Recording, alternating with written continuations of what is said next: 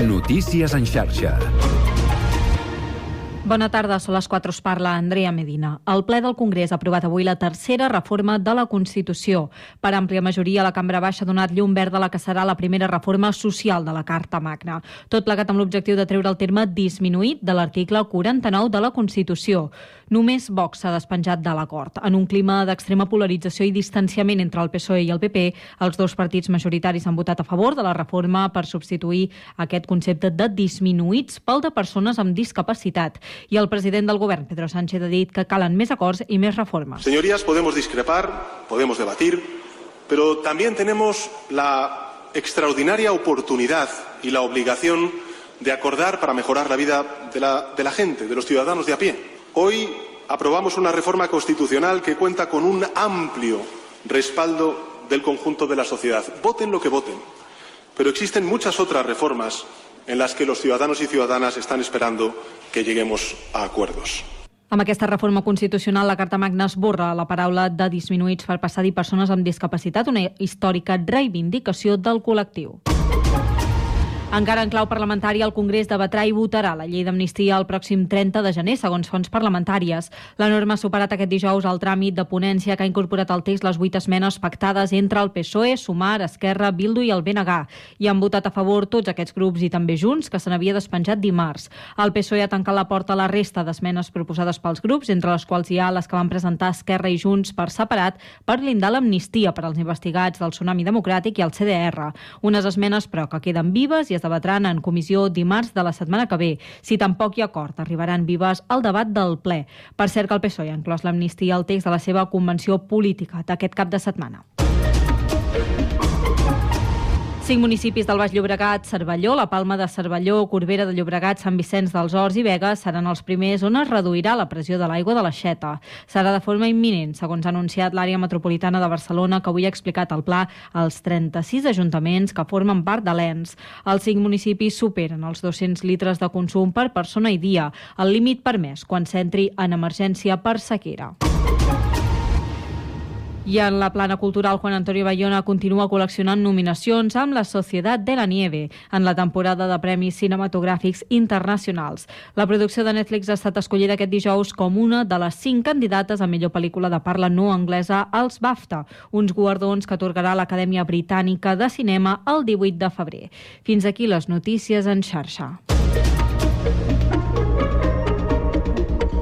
Notícies en xarxa.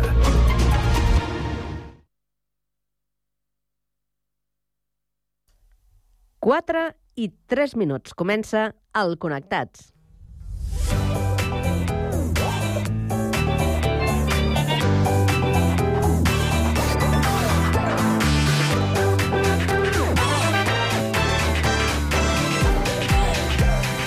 Connectats amb Carme Reversa.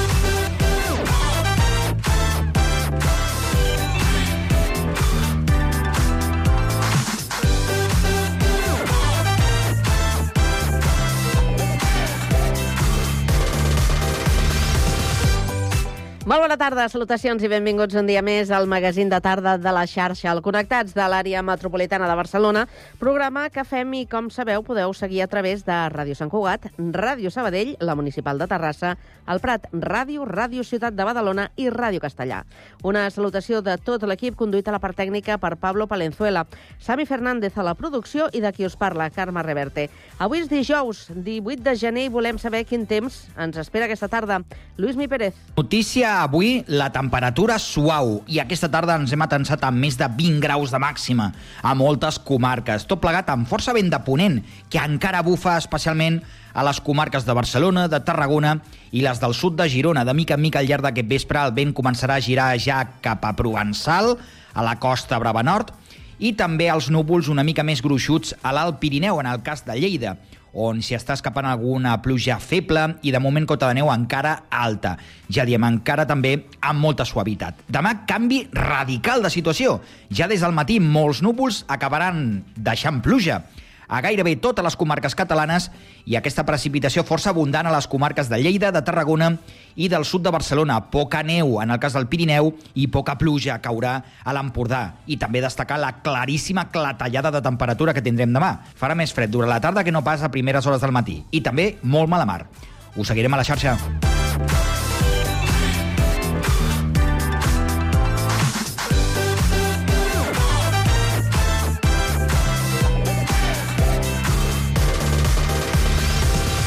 Avui al Connectats ens interessem per la segregació escolar a Catalunya. En parlarem amb Maria Segurola, responsable de la línia contra la segregació escolar a la Fundació Bofill. Acabarem la primera hora amb la tertúlia generalista per parlar d'emancipació dels joves en l'actualitat i del debat que s'ha generat sobre la immigració després de les negociacions entre PSOE i Junts. A partir de les 5 coneixerem l'entitat eh, amb seu a Sant Cugat, Europa sense murs. Continuarem patrimoni des de Sabadell per acostar-nos a l'Església de la Romànica, de la mà de Josep Maria Massaguer. I acabarem amb cultura per eh, presentar el nou catàleg d'espectacles del sabadellenc Christian Simelio. Tot això i més des d'ara i fins a les 6 de la tarda a la vostra emissora local. Connectats? Comencem. Dance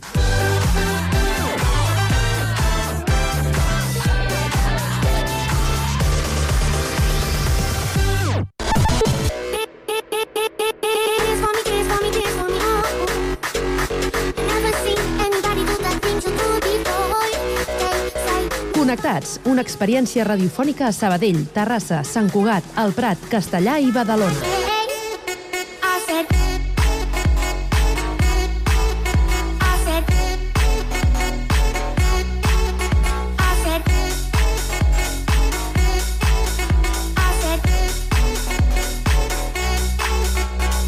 Connectats amb Carme Reverte.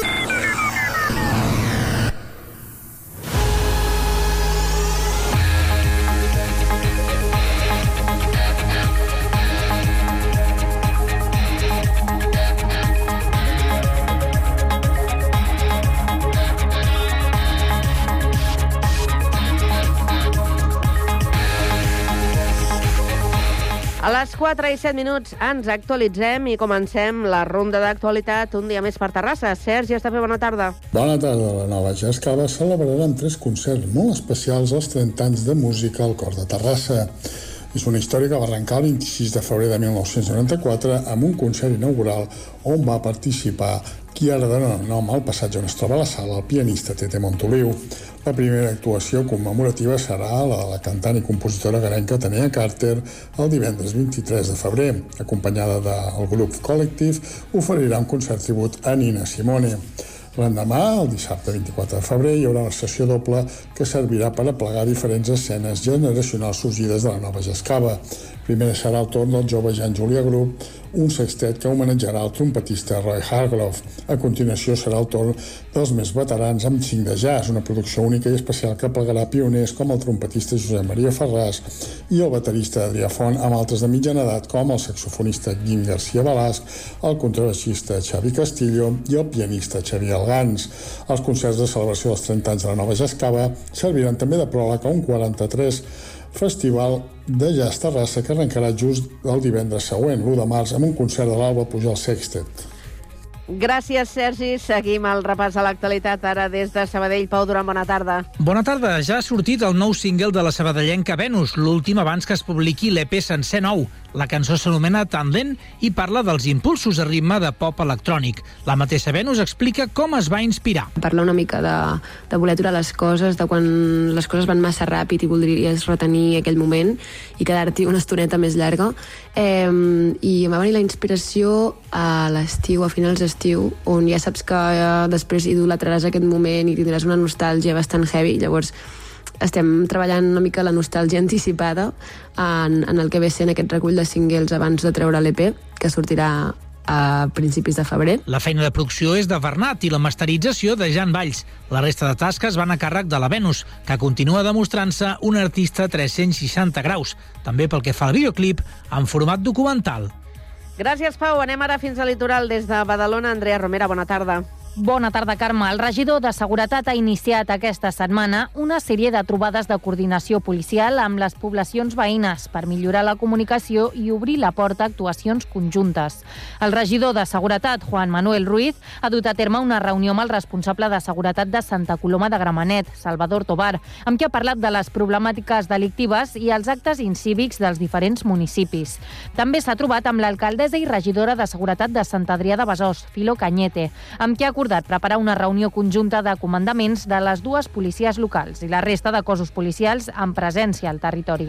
D'altra banda, Ruiz ha explicat també que aviat es reunirà amb Mungat i Tiana. L'escoltem. Yo creo que es sentido común, ¿no? Somos municipios eh, limítrofes, eh, vecinos bien avenidos, y que tenemos que intentar sumar esfuerzo y sobre todo esfuerzos policiales para que el ciudadano perciba y tenga mayor seguridad en su entorno. Per la seva banda, l'alcalde Xavier García Albiol ha destacat la gran importància de la coordinació policial a la ciutat, a més de l'increment d'agents de la Guàrdia Urbana que s'ha impulsat, assegura, en els primers mesos d'aquest mandat. Gràcies, Andrea. Seguim encara al litoral des del Prat de Llobregat. Lluís Rodríguez, bona tarda. Bona tarda. Primera reunió de la comissió tècnica que ha de definir el futur de l'aeroport del Prat. Una trobada bilateral entre els governs català i espanyol a la Conselleria de Territori que en el termini d'un any ha d'acabar de concretar propostes que passen per la governança i la millora d'aquesta infraestructura, però que per la Generalitat també per tenir en compte el conjunt de la xarxa aeroportuària catalana. Escoltem el secretari de Mobilitat i Infraestructures, Marc Sangles. Per tant, també introduïm l'element de les connexions ferroviàries en aquest àmbit perquè creiem que hem de tenir aquesta visió de multipista eh, en el país i creiem que és el model que, que existeix eh, a nivell europeu i creiem que és el, el model que ha de funcionar al país. De fet, és una proposta recurrent sobre la qual hi ha un major consens entre les diverses administracions i inclús organitzacions especialitzades en el transport. Respecte a l'ampliació que reclama el lobby empresarial, el govern evitat parlar-ne i ha assenyalat que el futur de la infraestructura del Prat passa per respectar l'entorn natural i agrícola, així com els drets acústics del veïnat de la zona. Després de la trobada d'avui, el següent pas serà la creació dels grups de treball paritaris d'aquests àmbits en les properes setmanes, amb un horitzó de finals d'aquest any. Gràcies, Lluís. I de retorn al Vallès, ara ens aturem a Castellà. Jaume Clavés, bona tarda. Bona tarda. A Castellà va tenir lloc una reunió del Comitè Municipal d'Actuació davant la sequera per impulsar noves mesures. L'òrgan va acordar, entre d'altres mesures, l'enviament d'una carta informativa als 858 titulars de comptes domèstics de subministrament d'aigua que superen els 500 litres diaris de consum, un 8% del total. L'Ajuntament demanarà a aquests grans consumidors que contactin amb l'administració per tal d'estudiar quines mesures d'estalvi poden implementar a les seves llars. L'Ajuntament també impulsarà una campanya de conscienciació ciutadana que posarà l'èmfasi en les llars, amb la distribució d'un kit d'estalvi d'aigua.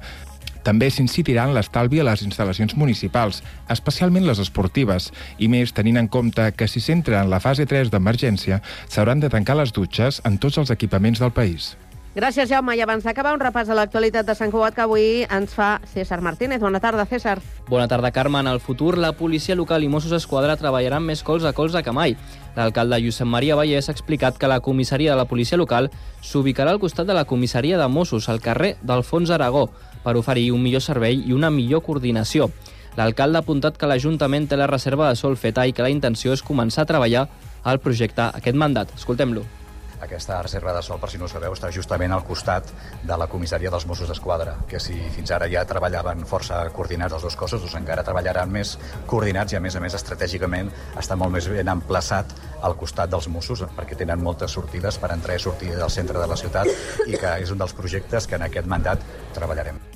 Vallès ha donat a conèixer aquestes intencions a la Junta Local de Seguretat celebrada aquest dimecres a l'Ajuntament. Tot i que no concreta en cap previsió de quan entraria en funcionament, fons municipals indiquen que no es tracta d'un projecte a curt o mig termini. L'alcalde tampoc no ha concretat a què es destinarien els 1.205 metres quadrats que quedarien alliberats de l'edifici que actualment ocupa la comissaria de la policia local, a la plaça de la Vila. Aquest edifici, contigu a l'Ajuntament, és propietat municipal i té quatre plantes. Sobre la comissaria de barris, ubicada al costat de l'estació dels ferrocarrils de Valldorets, el tinent d'alcaldia de Seguretat, Bernat Picornell, ha explicat que treballaran amb Promusa, propietària de l'immoble, l'ús de les instal·lacions que donaran servei als districtes i a Valldorets.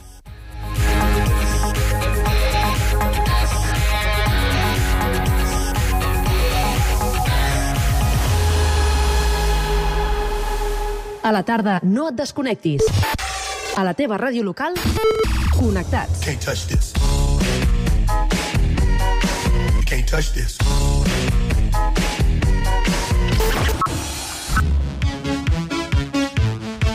Can't touch this. Can't touch this. Connectats amb Carme Rebé.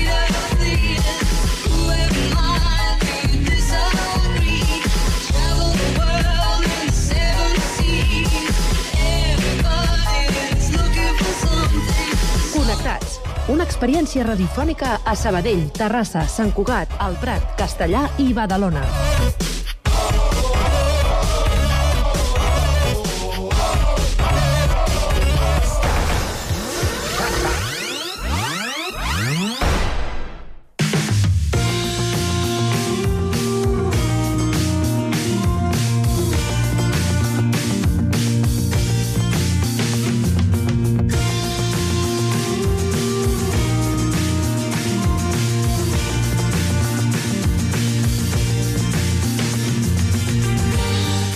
La segregació escolar disminueix a Catalunya gràcies a les mesures que des de 2019 s'estan aplicant al sistema educatiu.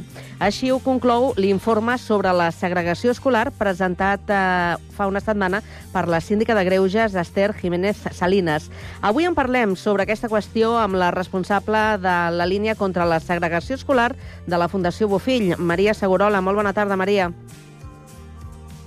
Bona tarda. Bona tarda. També saludem la nostra companya Andrea Romera, que es troba als estudis de Ràdio Ciutat de Badalona. Bona tarda, Andrea. Bona tarda. Bé, doncs per tenir clar el punt de partida, eh, Maria, eh, crec que seria interessant que poguéssim definir exactament què és la segregació escolar. Sí, de fet és bona pregunta perquè de vegades la segregació escolar es confon amb, amb altres termes, no? com la complexitat, i no és el mateix. No? La segregació escolar és la distribució desigual de l'alumnat entre centres educatius d'un mateix territori.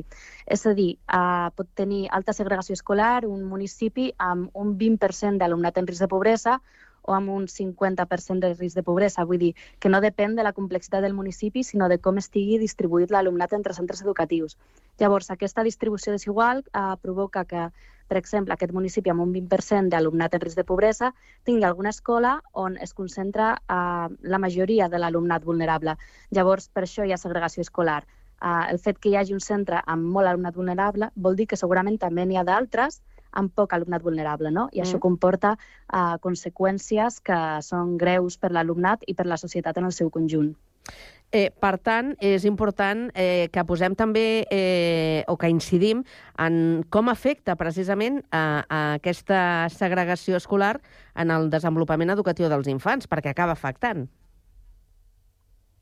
Sí, de fet, eh, es pot dir que amb la segregació escolar comencen molts dels problemes que tindran després els alumnes i, i tota la ciutadania. És a dir, eh, en primer lloc, el fet de, de que hi hagi segregació escolar, que, com hem dit, comporta que alguns alumnes més vulnerables es concentrin en determinades escoles, fa que aquests alumnes tinguin pitjors resultats educatius. És a dir, eh, no es beneficien de la dels beneficis de la, de la barreja amb altres alumnes més capitalitzats socioeconòmicament. Uh, llavors, sabem que quan un alumne vulnerable estudia en un centre amb diversitat social, llavors segurament tindrà millors resultats, no? Mentre si estudia en un centre amb alta segregació escolar, segurament uh, tindrà pitjors notes, no? Llavors això uh, té conseqüències després al llarg de tota la seva vida. I després també per, pel conjunt del municipi. No? És complicat eh, que un territori tingui bons resultats educatius si té un grup d'alumnes més vulnerables que no aconsegueixen desenvolupar totes les seves oportunitats. No? Llavors, eh, com a municipi o com a país, no podrem pujar els resultats educatius si no aconseguim que els alumnes més vulnerables tinguin millors notes. No? Mm. I després, per altra banda, eh, un tema eh, que està molt demostrat per l'evidència, que és la qüestió de la cohesió social. És a dir, si no hi ha una barreja efectiva d'alumnes de diferents procedències a l'escola, després com esperem eh, que quan siguin adults eh, tinguem una, una societat més cohesionada no? i amb bones relacions entre grups socials diferents. Llavors, eh, és molt important que ja des de les aules aconseguim que, que els nens i nenes, que són de diferents procedències, es facin amics. Clar. Ara, Maria, afortunadament, la segregació escolar s'ha reduït, ja ens ho deia la Carme al principi, i això és gràcies al Pacte contra la Segregació Escolar a Catalunya, signat el 2019. Però ens podries dir de quines xifres de reducció estaríem parlant exactament?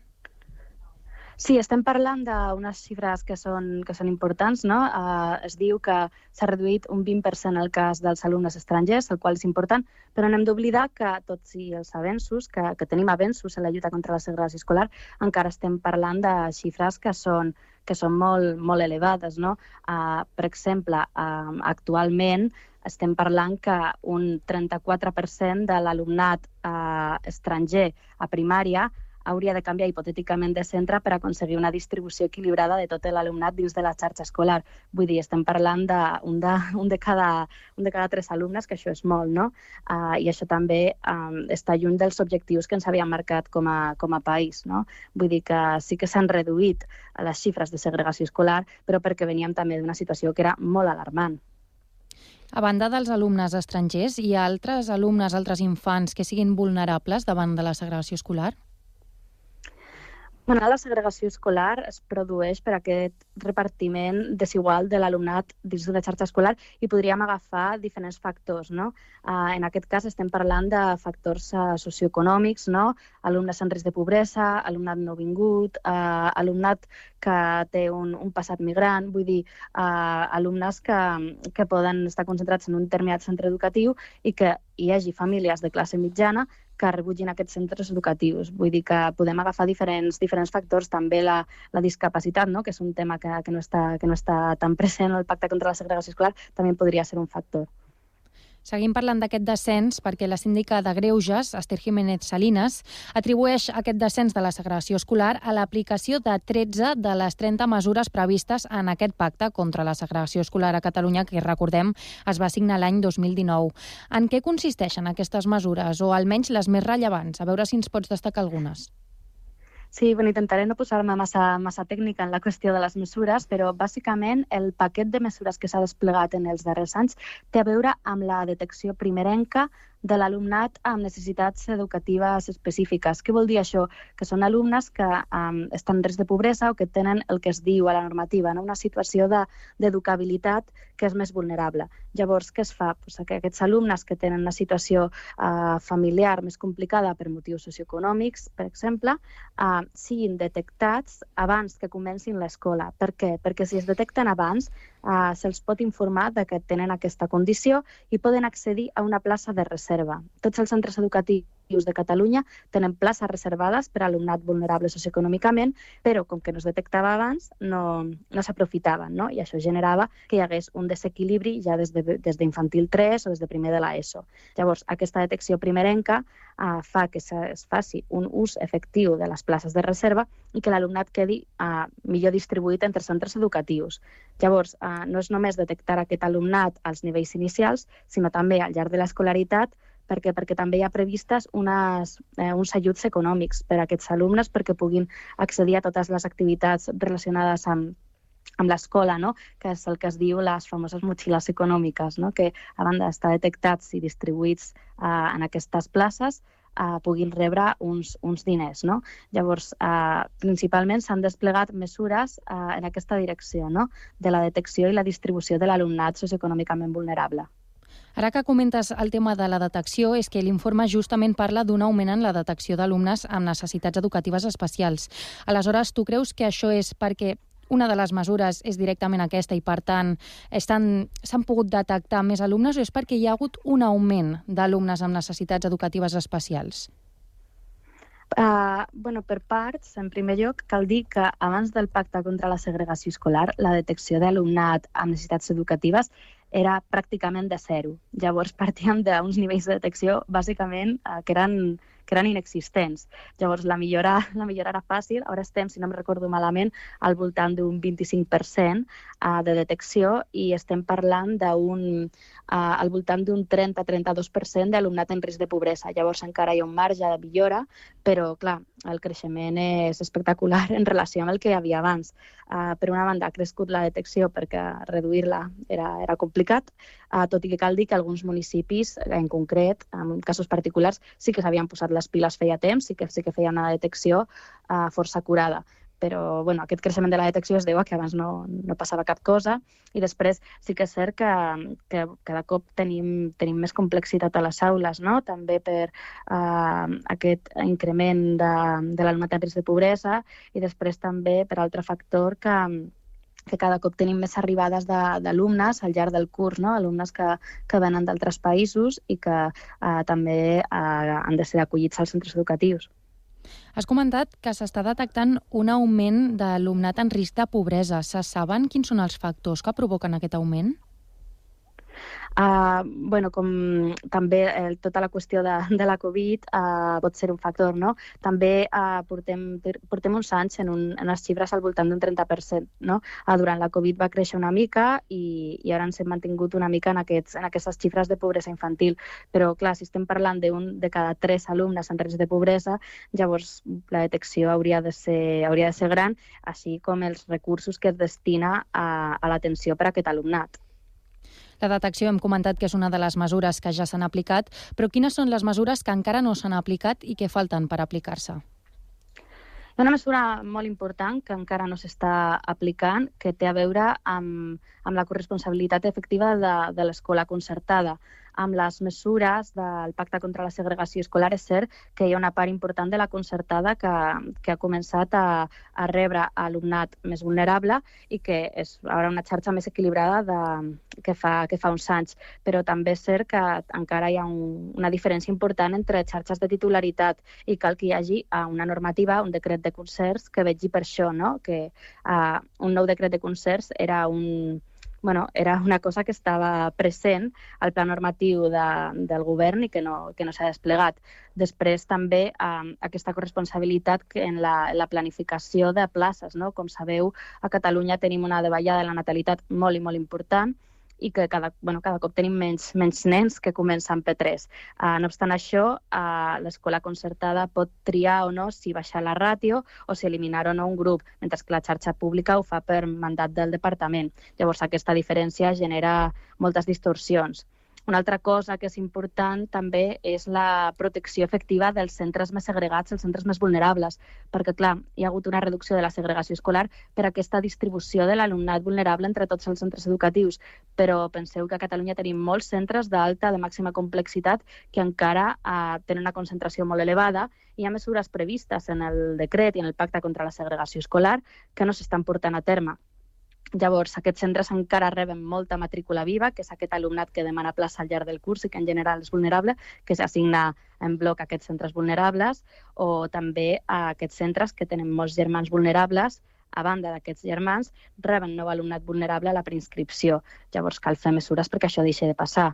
Uh, I una altra cosa que cal que, que es faci urgentment és aquesta, les mesures relacionades amb l'acollida de l'alumnat vulnerable quan arriben als centres educatius. Penseu que hi ha centres que mai no havien tingut cap alumne d'origen estranger o cap alumne en risc de pobresa i ara, ara en tenen. Llavors, cal que hi hagi més acompanyament als centres educatius per gestionar aquesta diversitat i, per altra banda, eh, he parlat abans de les motxilles econòmiques, que ara mateix són, són diners que es donen pels alumnes d'infantil 3, infantil 4, primer i segon d'ESO, però la resta de nivells, la resta d'alumnes que estan en la resta de nivells, no reben aquests ajuts.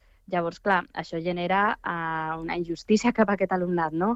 Uh, no pot dependre de, de l'edat que tinguis que tu puguis gaudir de tot el que, el que hi ha al teu centre educatiu. En aquest context, eh, Maria, el Pacte contra la Segregació Escolar a Catalunya es mm, proposa algun objectiu a curt o llarg termini en, en temes de xifres?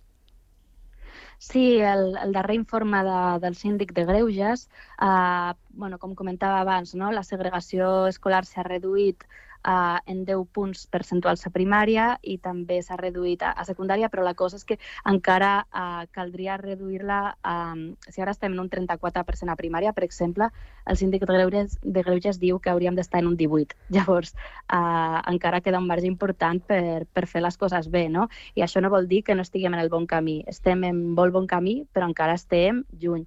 Llavors, uh, què cal fer? Perseverar en el que s'està fent. Doncs a la Maria Segurola, responsable de la línia contra la segregació escolar a la Fundació Bofill, li agraïm que avui ens hagi acompanyat al Connectats per fer doncs, aquesta fotografia ràpida, aquesta instantània sobre la situació de la segregació a l'escola Catalunya. Moltíssimes gràcies, Maria, i molt bona tarda. Gràcies a vosaltres. Bona tarda. Adéu, Andrea. Adéu, bona tarda.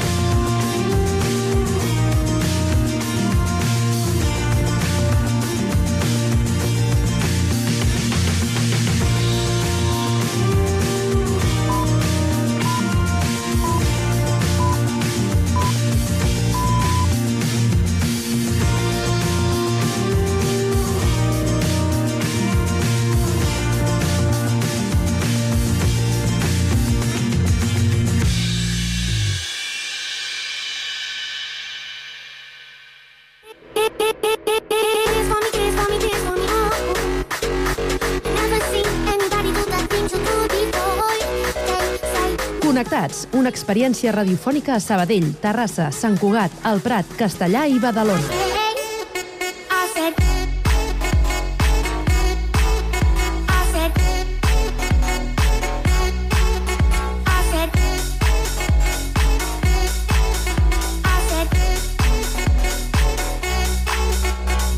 Connectats amb Carme Reverte.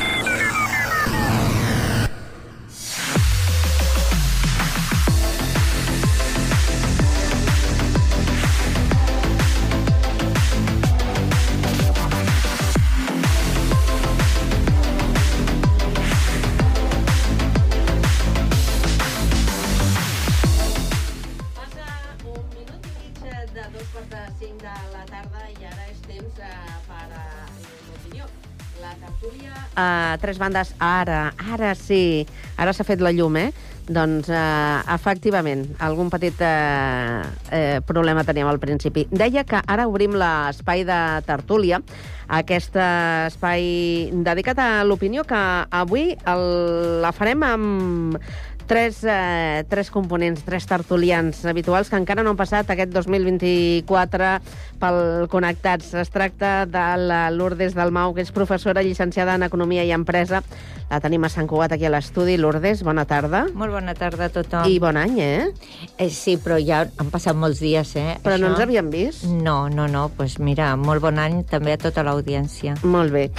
L'Anna Muñoz és periodista i la tenim a Terrassa. Anna, bona tarda i bon any per tu també. Bona tarda i bon any per tothom. Que se Carme. sembla raro, eh, d'això de celebrar novament la- l'arribada del nou bueno, any. Però ja va bé, ja va bé que, que celebrem el nou any.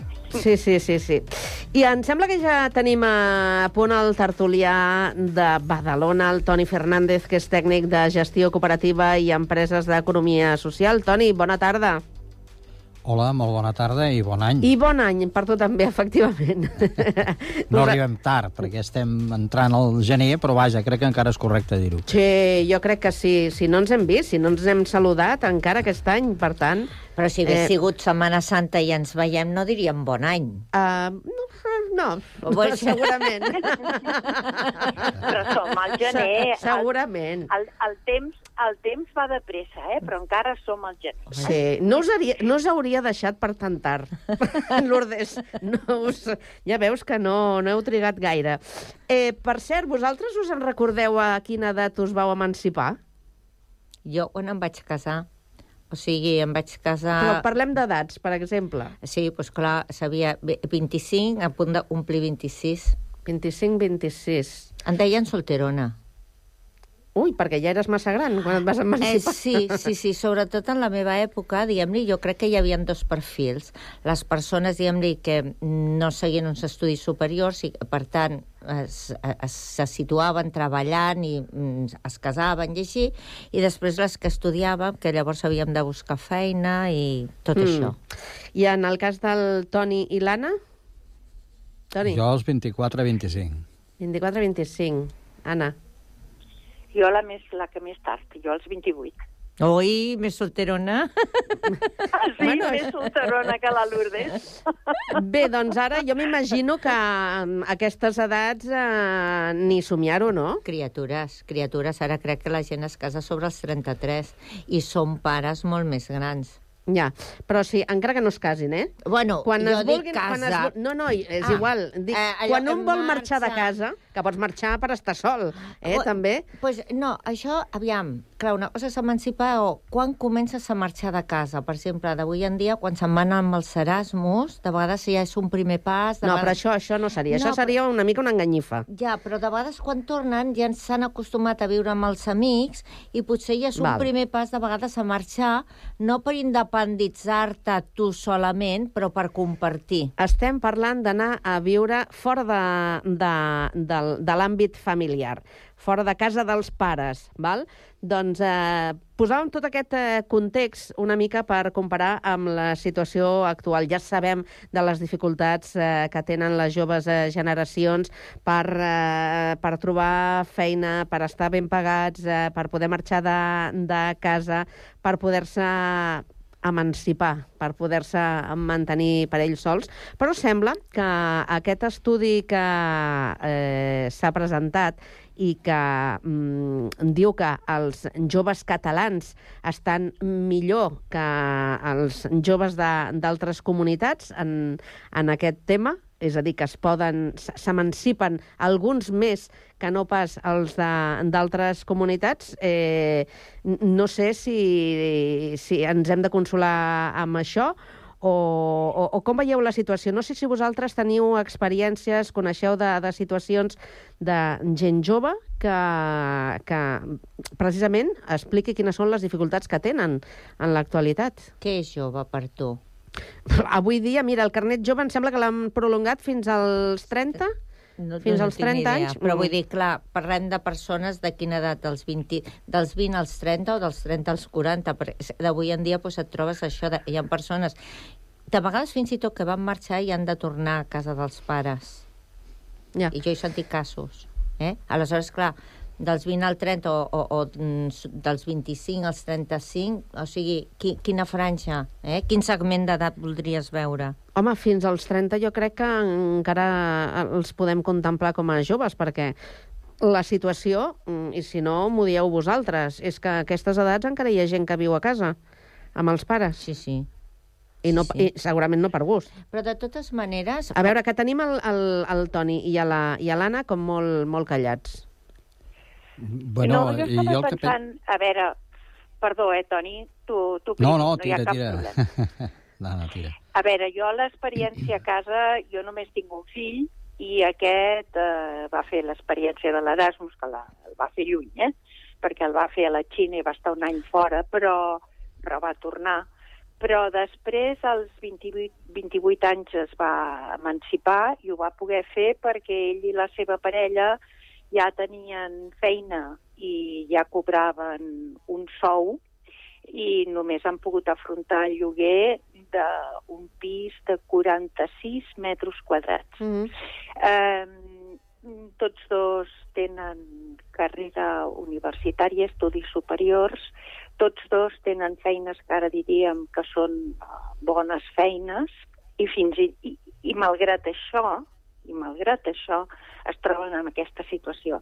El que és evident és que tot ha evolucionat molt, també han evolucionat les edats amb els que quan els nostres fills es fan com més adults o més independents, però és evident que mm, els preus de l'habitatge han arribat a uns límits que estan impedint i dificultant molt eh, l'emancipació dels joves, especialment si ho volen fer sols, és a dir, si, Clar. si no compten a fer-ho en grup, no? O, Mhm. o, o amb la parella i destinar una part molt important dels seus recursos. I això és una situació que jo crec que, que bueno, reflexa una mica més aquesta espècie de desenvolupament desigual de la nostra societat a l'actualitat en la que els ascensors socials no funcionen. Ja.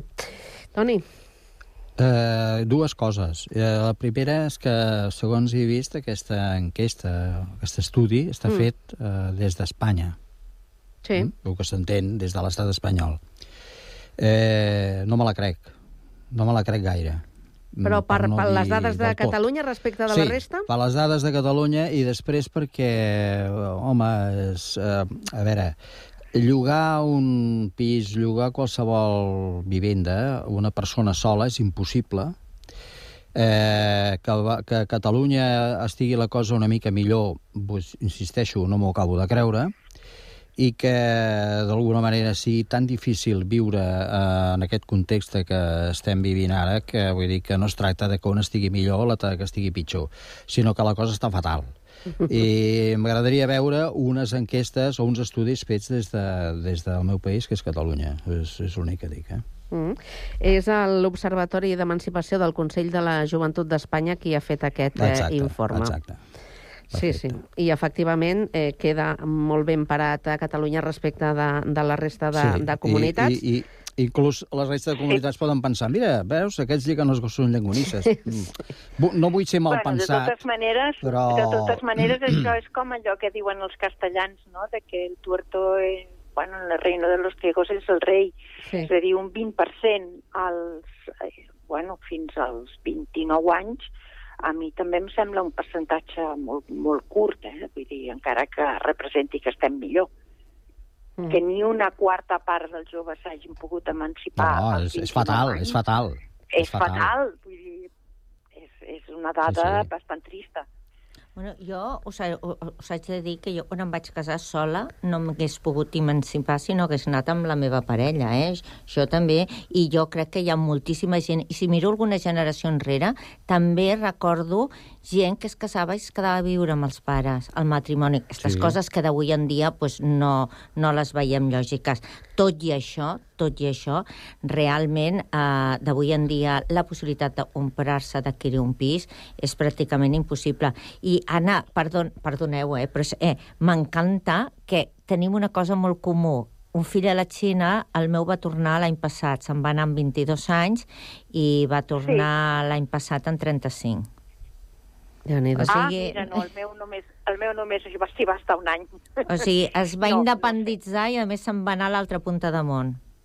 Vull dir, i m'ha fet... Sí, això, No, no, això li passa a molta gent avui dia. eh, eh, eh, bueno, Això li passa a moltíssima gent avui dia, eh? de que bueno, eh, molts, molts nois i moltes noies han de marxar del país per trobar sous dignes a les seves responsabilitats. Eh, Bueno, jo, busquem- jo amb, amb el cas meu particular, ell el que volia era sortir, buscar-se la vida i tal. Ell hagués pogut tenir alguna opció de feina per aquí, però eh, li agradava la Xina. Ho veia com, com Una l'Amèrica... experiència. No, una experiència i un lloc que estava creixent. Ell va veure un país que creixia, tal, i va pensar, me'n vaig cap allà, i va anar, doncs mira, allí voy, eh? Va, mm, la veritat li va funcionar bé i ha estat bé i si ha tornat no ha sigut perquè no li anés bé, sinó perquè ha tingut altres ofertes. Per tant, estem assenyalant eh, eh, problemes d'habitatge, problemes d'ocupació, perquè precisament com que no... Ocupació, no l'ocupació... Ah, no, de D'ocupes. feina. No, Ah, eh, ocupació de llocs de feina. Habitatge i ocupació i automàticament... No, ho ha relacionat, no. Doncs eh, aquests serien els dos temes clau pels quals eh, la, la emancipació no es pot eh, produir doncs, mm, a una edat una miqueta, diríem, més, més, més tendra, no?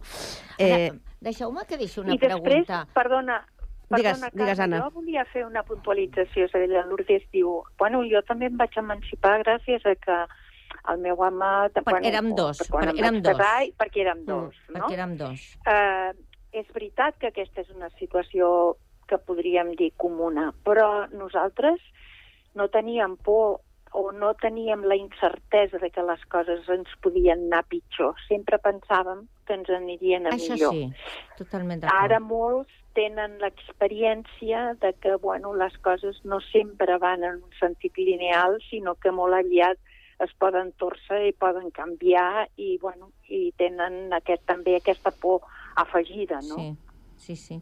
I jo llavors una de les preguntes que em faig, si no acabo d'entendre, és que hi havia un temps que es feien... Oh, mira, per exemple, avui sentia una notícia que a Barberà es van fer uns pisos i tenen problemes de la, de l'uralita, no? Sí. Del... Vale. Però és que es feien, diguem-li, com eh, zones properes a les ciutats, no en un poble de, de dalt de les muntanyes, sinó relativament a prop de les ciutats i tal, i que es feien pisos de, de, de, públics i econòmics. I això no passa, perquè aquí a Sant Cugat hem tingut promusa, però promusa era, eren cars, els nanos mm, era difícil, i si tens la sort... Els meus fills van estar sempre, al, aviam si els hi tocava un sorteig, bueno, nosaltres mai a la vida, ni, ni res de res, no? Eh, Aleshores dius, per què, per què no es poden fer des de les institucions públiques habitatge eh, adequat per aquestes necessitats, perquè els joves no hagin de marxar de, de les seves ciutats? I aquesta només era una pregunta. és, és, la pre és, és, és la pregunta. Sí, per què no és la, poden fer? És la pregunta. És igual que la referència que hem fet abans respecte dels llocs de, de feina, dels sous que cobren aquests eh, joves que estan eh, superben eh, formats i que tenen uns sous que han d'ajuntar mínim dos per poder fer front a, a, a un lloguer. I viure, Abans i, vi, també, i eh? viure sense... Jo, cap amic meu, cap amic meu, tot i estan titulats i ben situats i tal, eh, se'n podia anar a viure, a més partint de zero, eh? Perquè, aviam, la meva experiència personal, però, eh, per exemple, nosaltres primer vam comprar un terreny, anàvem pagant una lletra i vivíem a casa dels pares. I per ser més gros, mig any a casa dels meus pares i mig any a casa de la mare de, del meu marit. Vull dir que, clar, això també, també la gent no està disposada a sotmetre's, que no té per què, que hauria d'haver-hi habitatge públic i assequible per tota aquesta gent. Però, mm, bueno, de vegades, clar, si parteixes de zero, tens que acumular un mínim, una entrada. I d'alguna... O sigui, això, diguem-li, si fas una vida normal i diària, pues amb, amb els ingressos no, no arribes. No sé si vols afegir alguna cosa més, Toni.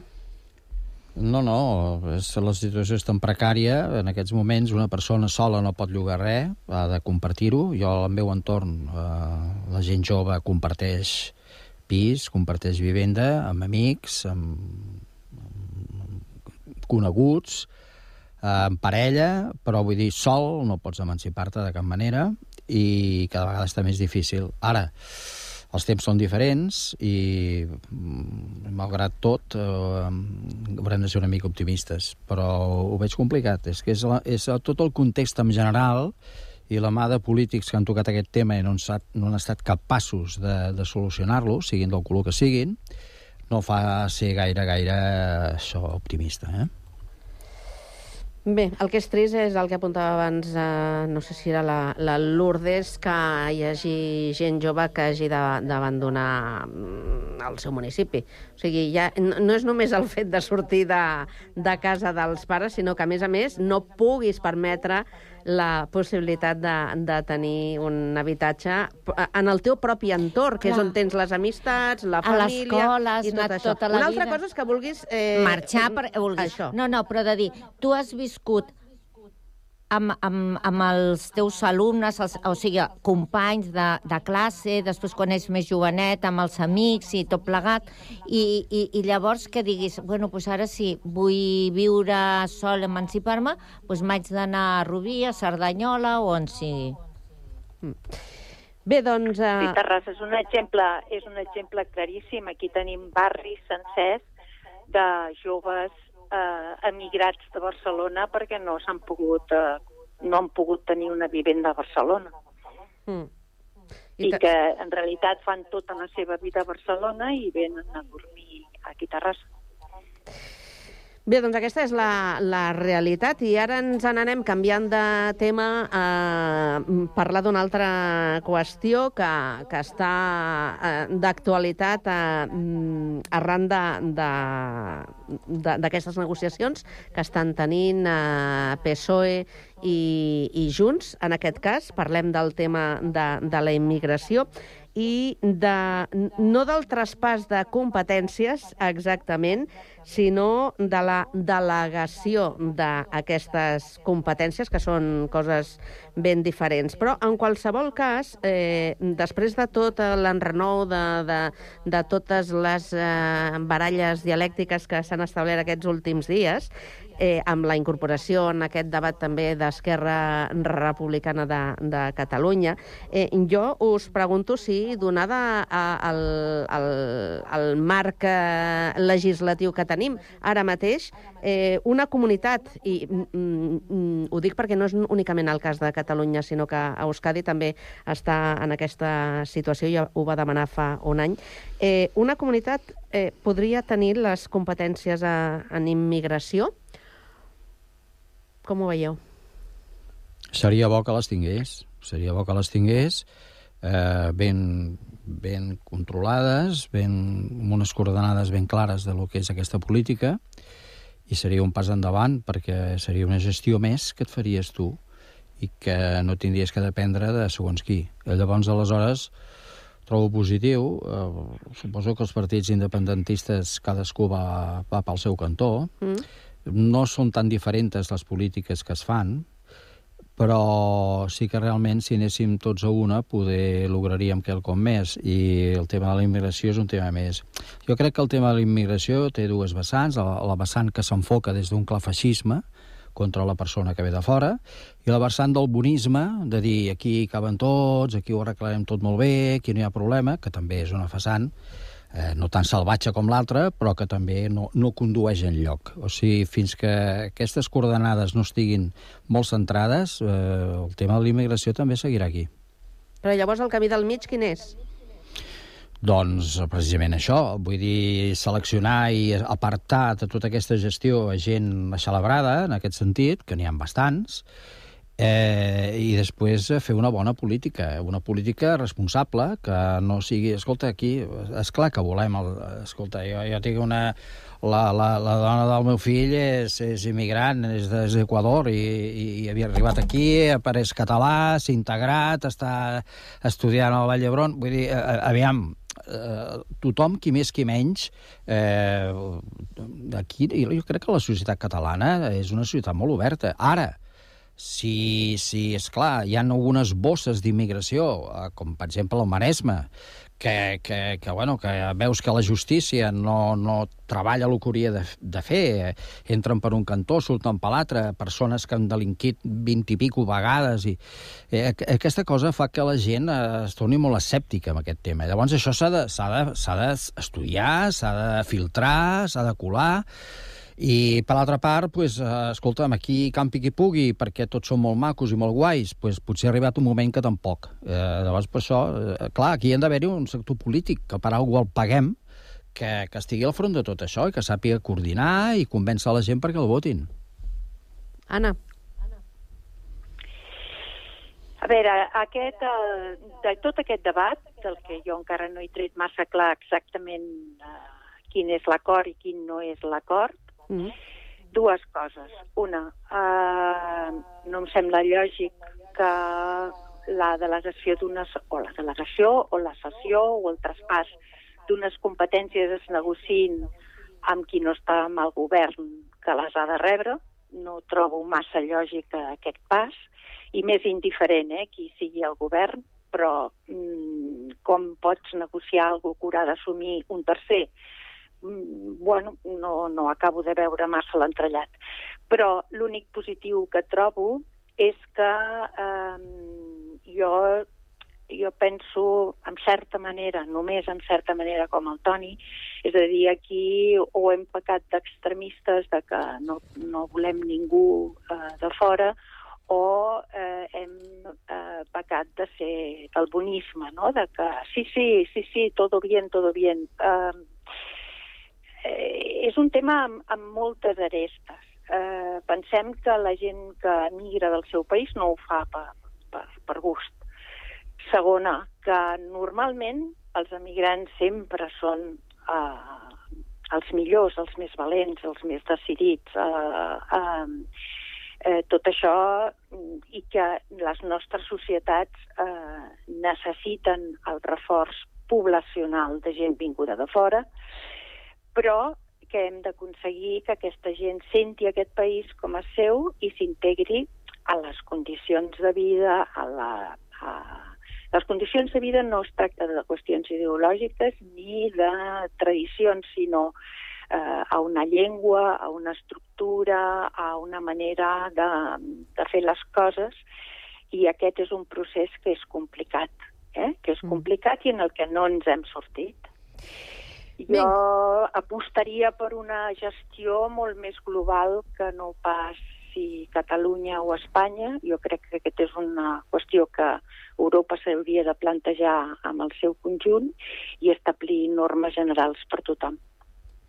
Lourdes. Jo, sí, jo d'acord amb l'Anna de que la, aquesta competència qui la- qui la- la- l'ha de tenir i l'ha d'exercitar és Europa i que Espanya eh, és frontera eh, europea i que realment no tothom pot entrar d'una manera desorganitzada, perquè, clar, si en, entren, entren persones i podran entrar persones treballadores que volen millorar el seu, la seva situació i també entren els delinqüents que marxen i s'escapen d'altres llocs.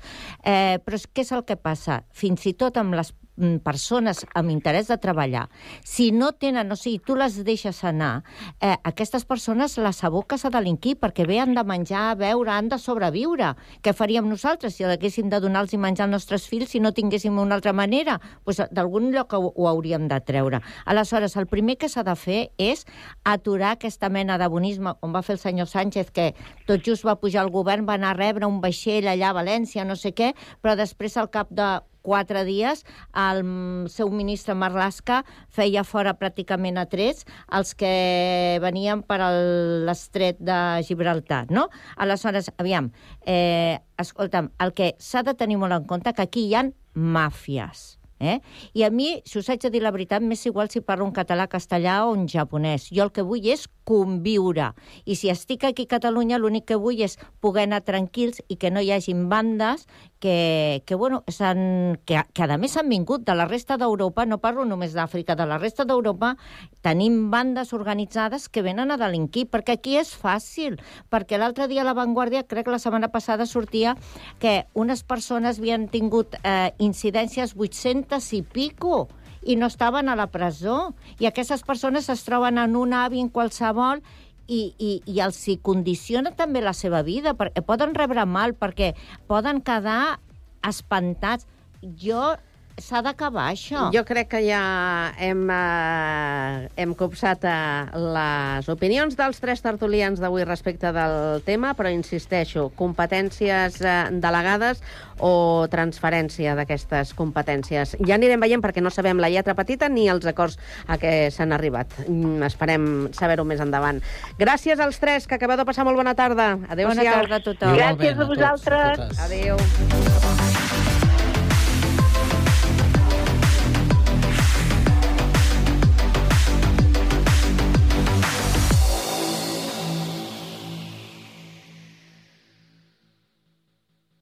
A Ràdio Sant Cugat gaudim de la música.